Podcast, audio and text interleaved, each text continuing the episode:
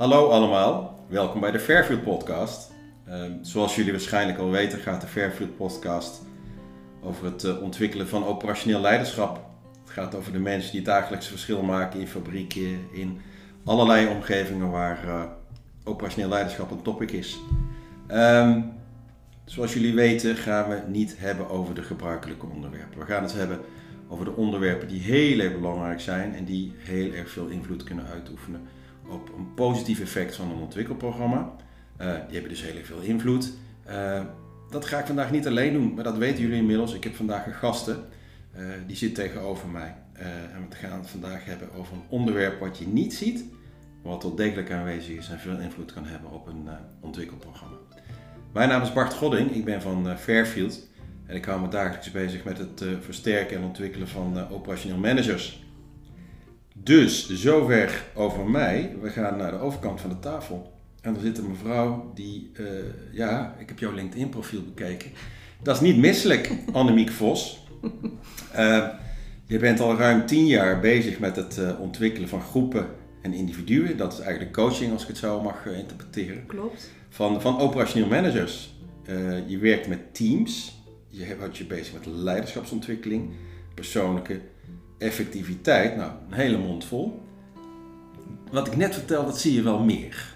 Mhm. Maar je hebt één ding, mm -hmm. hè, daar hebben we het ervoor ook over gehad, ja. waar, uh, wat toch heel, heel bijzonder is, maar ook heel erg waardevol, denk ik, in het vak wat jij uh, uitoefent. Uh, het gaat namelijk over het herkennen van organisatiepatronen die ineffectief zijn. Ja, klopt. Ja, dat heeft enorme interesse al langere tijd. En ik heb mij daardoor um, ja, door studie, maar ook met name door ervaring uh, in, uh, in ontwikkeld. Ja. Het is gewoon mega interessant. Nou, dat, dat, dat, je lacht erbij. Dat betekent meestal dat mensen daar heel enthousiast op zijn. Ik gooi even mijn blaadje om. Uh, we hebben tevoren even een, een kleine opzet gemaakt van hoe, hoe de luisteraars erin zo goed mogelijk wijzer kunnen maken. Want dat willen we natuurlijk.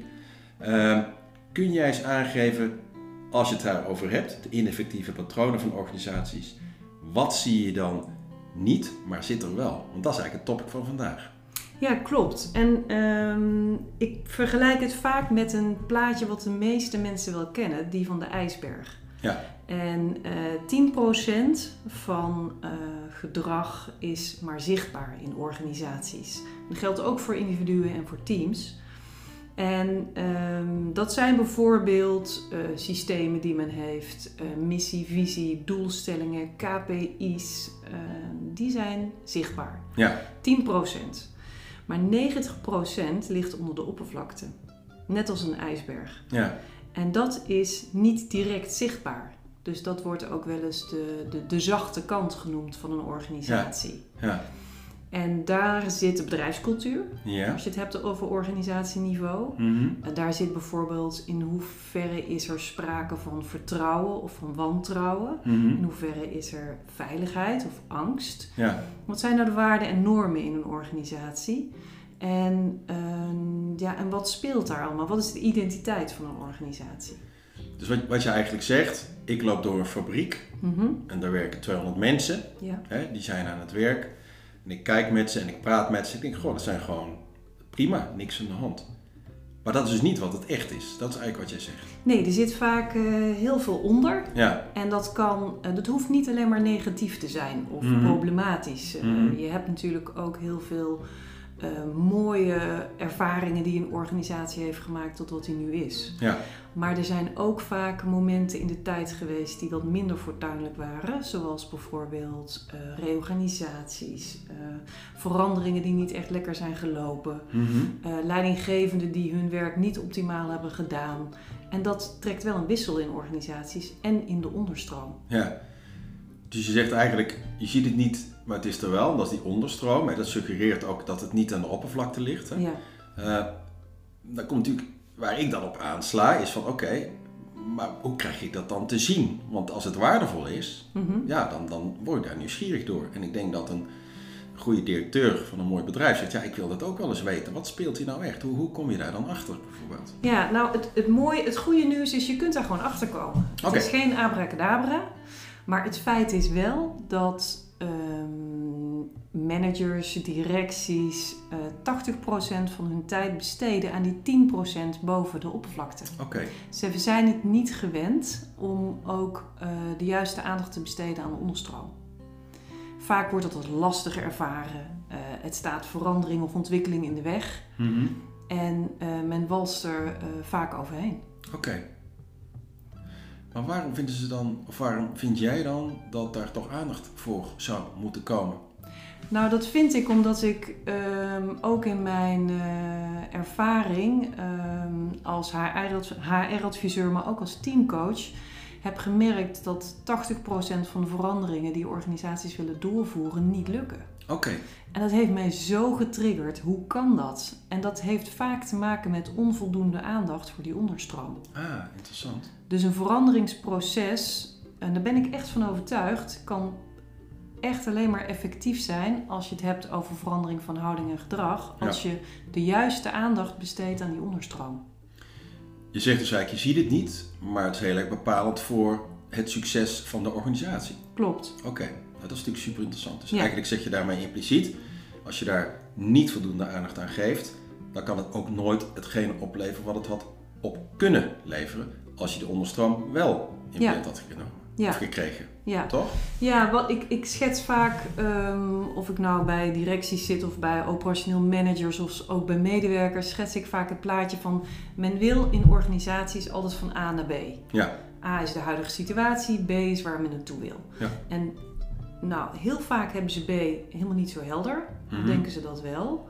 Maar als ze het al helder hebben, dan hebben ze dat helder in de bovenstroom. Ja. Dus dan zeggen ze we willen uh, 10% extra omzet. Of we willen nog efficiënter zijn in ons productieproces. En we gaan een nieuw systeem aanschaffen, want dat gaat ons helpen om bladibladibla. Ja. Maar als jij daadwerkelijk die verandering uh, succesvol wilt doorvoeren, zul je ook aandacht moeten besteden aan die onderstroom van A naar B. Ja. En dan pas krijg je die B van betekenis. Kijk, dat klinkt mooi. De B van betekenis. He, dat, dat, dat, dat dan echt uh, waardevol.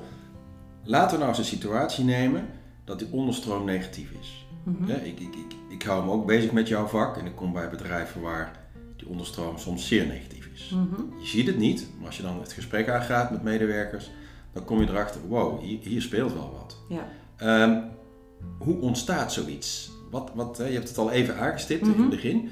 Maar wat zou nou, zou je een voorbeeld kunnen geven van een situatie die ontstaan is, maar waar het vandaan komt? Kun je dat omschrijven? Ja, dus er zijn natuurlijk heel veel scenario's mogelijk. Maar een onderstroom ontstaat eigenlijk al vanaf uh, de, oprichting van het bedrijf. Ja. Er is vaak een, een, eigenaar of een owner die start. Mm -hmm. En die neemt al vanaf zijn eigen familie van herkomst zijn eigen patronen mee. Oké. Okay. Dus dat start op individueel niveau. Mm -hmm. Nou, stel het loopt lekker, het bedrijf. Dus um, vaak zegt een eigenaar of een owner, die vraagt zich af van... hé, hey, maar wat zijn onze leidende principes? Waarom hebben we eigenlijk deze organisatie opgericht? Mm -hmm. Welke betekenis hebben wij in de maatschappij? En, wel, en naar, waar willen we heen?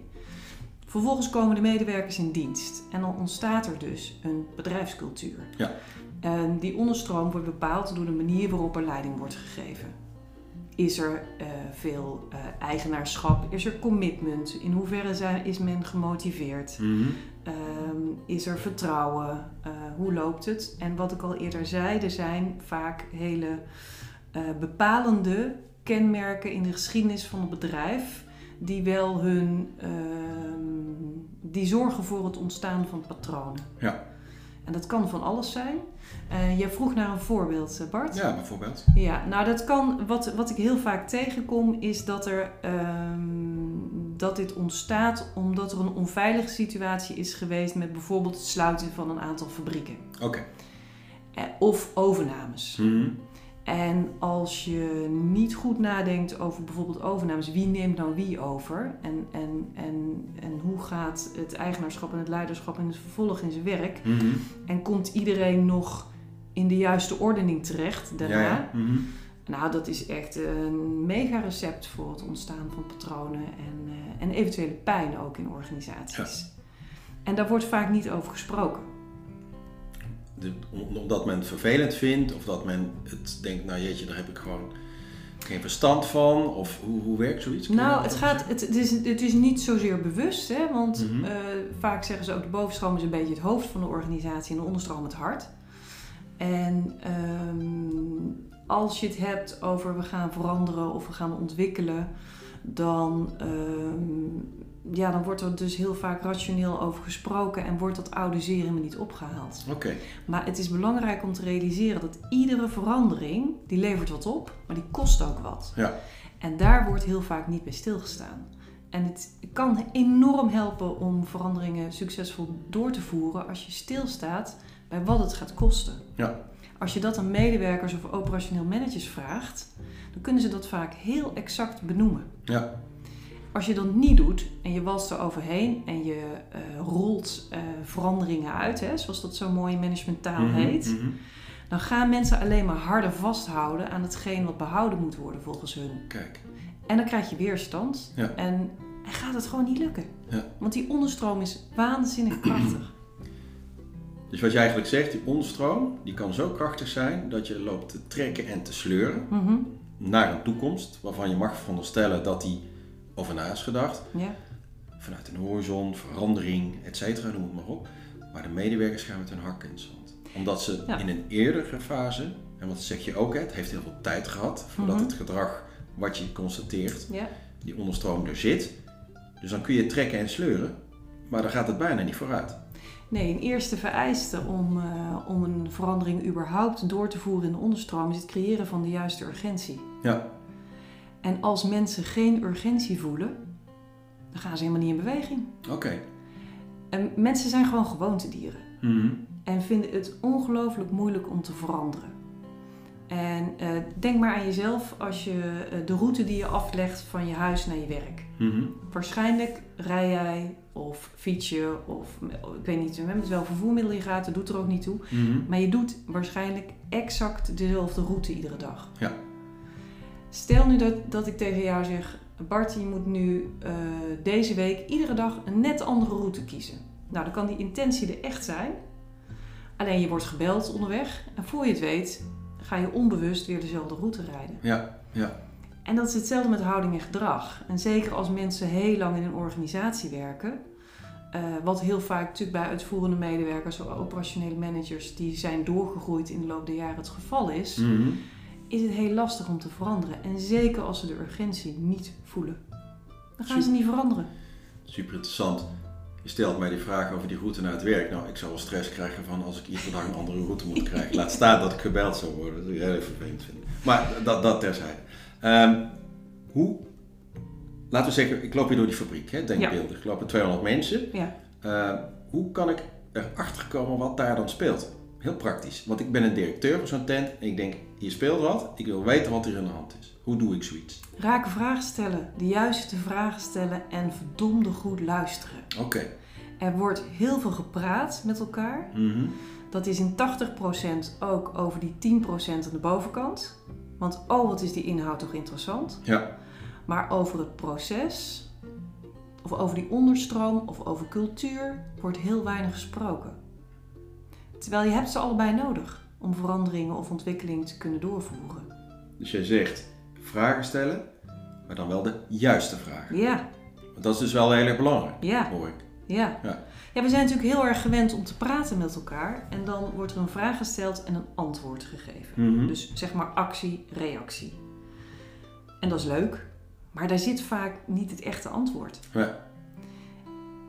En doorvragen levert vaak al heel veel extra informatie op. Want dan ga je naar reflectie en dan kom je vanzelf in die onderstroom. Dan kom je bij de waarden en normen. Dan kom je bij de geschiedenis. Dan kom je bij hetgeen wat misschien helemaal niet zo zichtbaar mag worden. Maar dat wat er wel is. Ja. Dus wat er wel echt daadwerkelijk speelt. ja. Wat me ook door het hoofd schiet is dat je dan ook heel veel aandacht hebt voor iemand. Klopt. Want die onderstroom heet niet voor niets onder. Nee? Dus hij zit er wel, ja, wordt eigenlijk niet naar gevraagd. nee. Je besluit op wat voor manier dan ook, ik ga er aandacht op eh, geven. Ja. Je gaat die eh, vragen stellen. Iemand kan echt zijn verhaal kwijt. Dus dat is Ja. eigenlijk al een, een hele belangrijke eh, vorm van aandacht geven. Dat is een enorme winst. Ja. Het zou enorm veel schelen als we echt daadwerkelijk naar elkaar zouden luisteren in organisaties. Dus je zou zeggen van oké, je, je pakt een aantal mensen. Moet je ze dan allemaal die vragen gaan stellen? Lijkt me nogal bewerkelijk. Maar hoe, hoe doe je, heel praktisch, hoe doe je zoiets dan? Nee, je hoeft niet iedereen de vragen te stellen. Maar je, je, je weet... De, eigenlijk spelen in organisaties altijd drie dingen. Uh, dat is de ordening moet helder zijn. Mhm. En heel vaak heb je fantastische plaatjes van de organisatiestructuur. Maar dat is niet de echte ordening. En uh, zeker operationeel managers weten exact aan te wijzen wie daadwerkelijk de invloed heeft in organisaties. Wie de anciëteit heeft, Mhm. wie het voor het zeggen heeft. Die zou ik in ieder geval spreken. Ja, Dus de ordening, dat is een belangrijk. Balans tussen geven en nemen. Is die, is die, ehm, klopt die in organisaties? Mhm. En de binding. Waar is er nu echt binding mee? Want directie kan wel vinden of willen dat er binding met iets is. Maar als dat er niet gewoon aanwezig is, ja, dan gaat het hem niet worden. Nee, nee. Dus die vragen achterhalen en met de invloedrijke mensen in een organisatie, ja, dan kom je al een heel eind. Dan krijg je het echt wel boven. Ja. Stel je nou eens voor, die vragen worden gesteld. Mhm. Eh, als die onderstroom die negatief is, en laten we eerlijk zijn, die is vaker negatief, want dan komt er pas echt aandacht voor. Hè? Meestal speelt er wat. Ja. Ik heb zelf meegemaakt dat het eh, een negatieve onderstroom leidt tot eh, een duidelijk verhoogd verzuim. Klopt.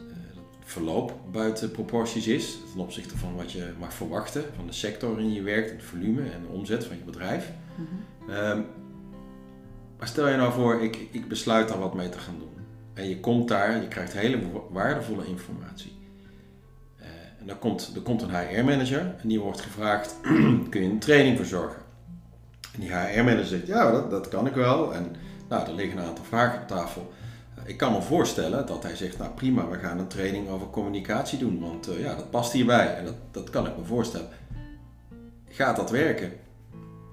Nee, je kunt eh, heel veel ehm, standaard trainingen daarop loslaten, maar dat Mhm. gaat niet werken. Oké, Want het moet wel eh, direct verband houden met de praktijk. ja. En, Dus- Dus als ik die training geef, dan investeer ik daar geld in. Maar het rendement zal misschien heel erg beperkt zijn. Of misschien zelfs ja, nul, zou je kunnen zeggen. eh, nul weet ik niet, maar wel heel Mhm. erg beperkt. Dus je, er zijn veel slimmere manieren om eh, mensen in beweging te krijgen. Daar hou ik van. Mensen die het woord slim gebruiken. Dus vertel eens, wat is slim in dit geval? Nou, slim is wat ik al zei, als je van, van A naar B van betekenis eh, wil komen. Ja. Daar hebben we het eerder over Mhm. gehad. Dan neem je zowel de boven- als de onderstroom mee. Precies. Dan neem je de mensen mee die daadwerkelijk van invloed zijn in organisaties. En je luistert naar ze. Mhm. Dat betekent ook dat je de mensen meeneemt die weerstand hebben. Mhm. Vaak wordt er heel, vind, wordt weerstand wordt lastig gevonden. Maar weerstand is een eh, teken van betrokkenheid. Mensen zijn daadwerkelijk nog betrokken. Ze willen het anders. Ja. Je hebt een veel groter probleem als mensen onverschillig zijn geworden in de loop der jaren. Gelaten, dat is, dat is een goed woord inderdaad. Want die krijg je niet meer mee. Nee. Als je een veranderopdracht ehm, dan hebt geformuleerd, Mhm. je hebt die van A naar B, dan moet je ook zorgen dat je leiders hebt. En dat kan directie zijn, maar ook op- operationeel managers, die bereid zijn om van A tot Z die veranderopdracht uit te voeren. Oké. Want heb je bijvoorbeeld negatieve patronen in je organisatie, of stel je een interimmer aan die Mhm. even lekker met de bezem er doorheen gaat, Mhm. Dan denken de medewerkers, oh ja, die joker eh, daarboven, die, eh, weet je, die blijft twee jaar en die is hij weg. En dan gaan we gewoon weer doen wat we altijd deden. Ja. Dus je moet zorgen dat je voldoende draagvlak hebt voor eh, veranderingen in de organisatie. Iedereen meeneemt en goed luistert naar wat er daadwerkelijk speelt. Dus wat je eigenlijk zegt is, die negatieve onderstroom, die Mhm. moet je langzamerhand gaan transformeren naar een positievere stroom. Ja, dat kost tijd. Ja. Ja, Hoeveel kost... tijd ben je daarmee kwijt dan? ja, dat is afhankelijk van wat er speelt natuurlijk. Gemiddeld? Ehm, nou, wat ik in mijn opleiding heb geleerd is, het duurt vaak even lang om het op te lossen eh, dan dat het heeft gekost. eh, Om daar te komen. Ja, Dat kan soms best wel. ja dat willen mensen ook niet horen. Maar het, Mhm. is wel, het is wel de realiteit. Ja, Maar dat wil niet zeggen, je kunt al wel ehm, je kunt al wel successen gaan boeken. Maar ik geloof heel erg in stap voor stap. Ja. Als je met, in, met zeven veranderingen wil eh, ehm, bewerkstelligen, forget it. Klinkt misschien mooi, maar het gaat niet werken. Ja. Stap voor stap. Ik, ik heb het zelf ook wel eens meegemaakt dat je bij een bedrijf komt en dat ze zeggen, joh, eh, de, de signalering van, van de duiding van het probleem is helder. Eh, dan ga je het gesprek aan en dan willen ze eigenlijk binnen drie maanden dat, uh, dat een, een, een onderstroom hè, die bijzonder negatief is, nou, kun jij daar dan hè, in drie maanden wat aan doen. En dan moeten we soms echt wel, ik denk dat jij dat met me eens bent, hè, vanuit jouw expertise, wat monnik, of, monnikenwerk verrichten of missionariswerk, om aan de voorkant heel uitgebreid en goed toe te lichten waarom het toch veel meer tijd gaat kosten als dat men denkt. Mensen Ja. willen soms te snel. Ja, ja ik, zeg, ik zeg zelf wat. Ja, ik heb geen toverstafje.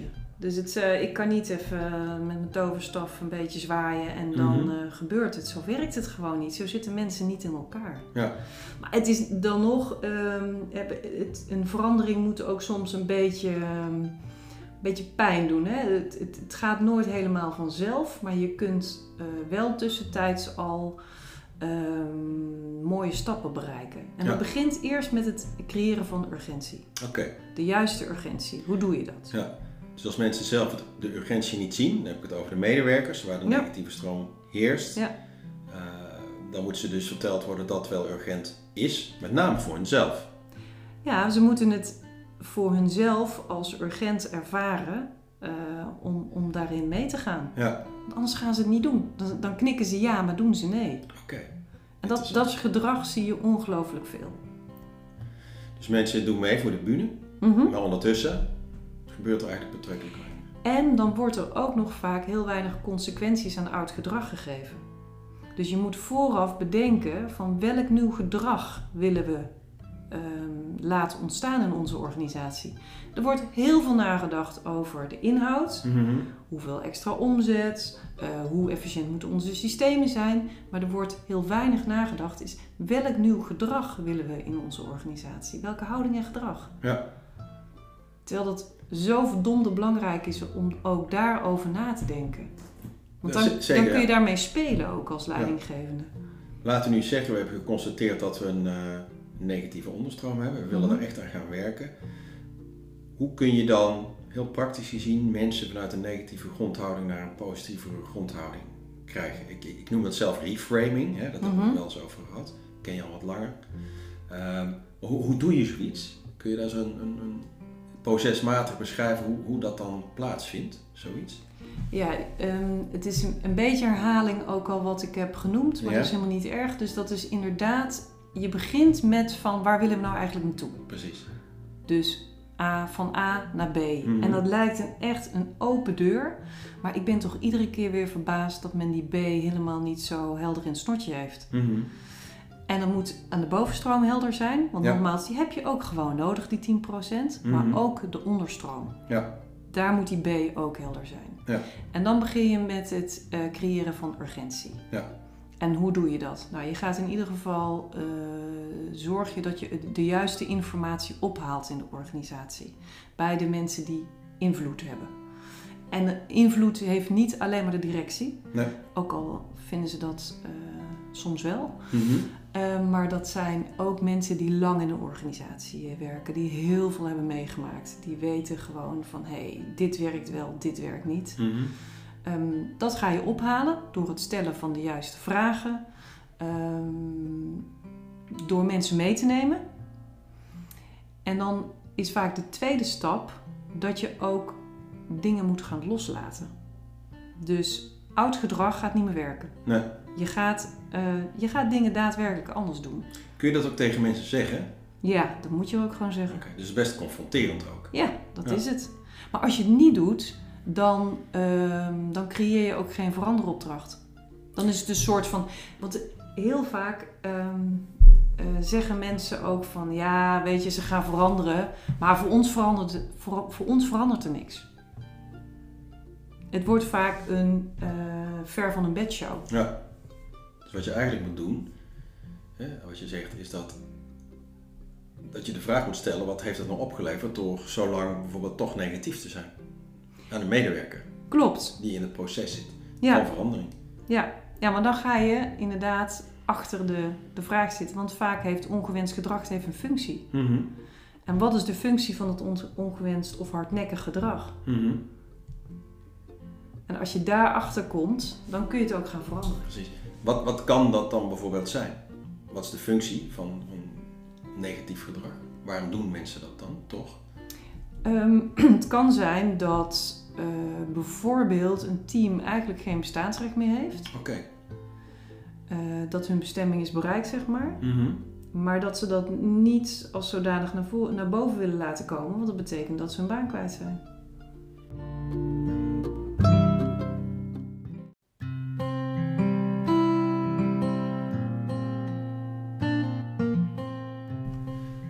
Als het gaat over de succesfactoren van, een, eh, van een verandertraject. We hebben het gehad over de onderstroom. Maar we willen ook wat gaan veranderen. Wat, wat echt wat gaan doen. We willen succesvol terug kunnen kijken. Nou, noem, eens een aantal succesfactoren. Ehm, goh, heb je even? een, een aantal succesfactoren is achterhalen wat de functie is van ongewenst gedrag. Ja. Heel vaak komt ook bijvoorbeeld eh, een soort van pesten komt gewoon voor in organisaties Mhm, of in mhm. bepaalde teams. Ja.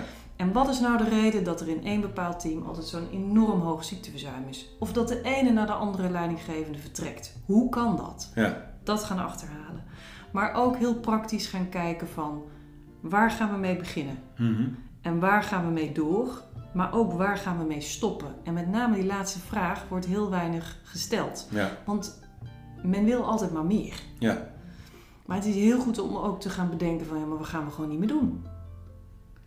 Ehm, en een veranderopdracht geven is, is het een uitnodiging of is het een opdracht? Ja.